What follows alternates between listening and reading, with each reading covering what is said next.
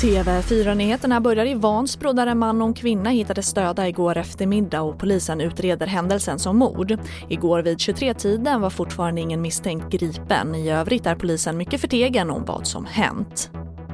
Sen till Upplands Väsby norr om Stockholm där polisen sent under söndagskvällen fick larm om en skottlossning. En halvtimme senare hittades en skottskadad man i grannkommunen Sollentuna. Mannen fördes till sjukhus med livshotande skador. Två män greps senare misstänkta för mordförsök.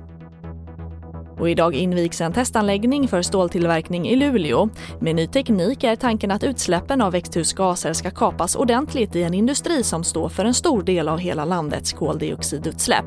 Och projektet följs med stort intresse av hela världen. Om en stor andel av de europeiska ståltillverkarna följer i samma spår har det stor effekt på koldioxidutsläppen från Europa totalt. När tror du det är möjligt att köpa fossilfritt eh, stål i Sverige? Jag tror att de första exemplaren av fossilfritt stål borde ju komma ut inom en tioårsperiod.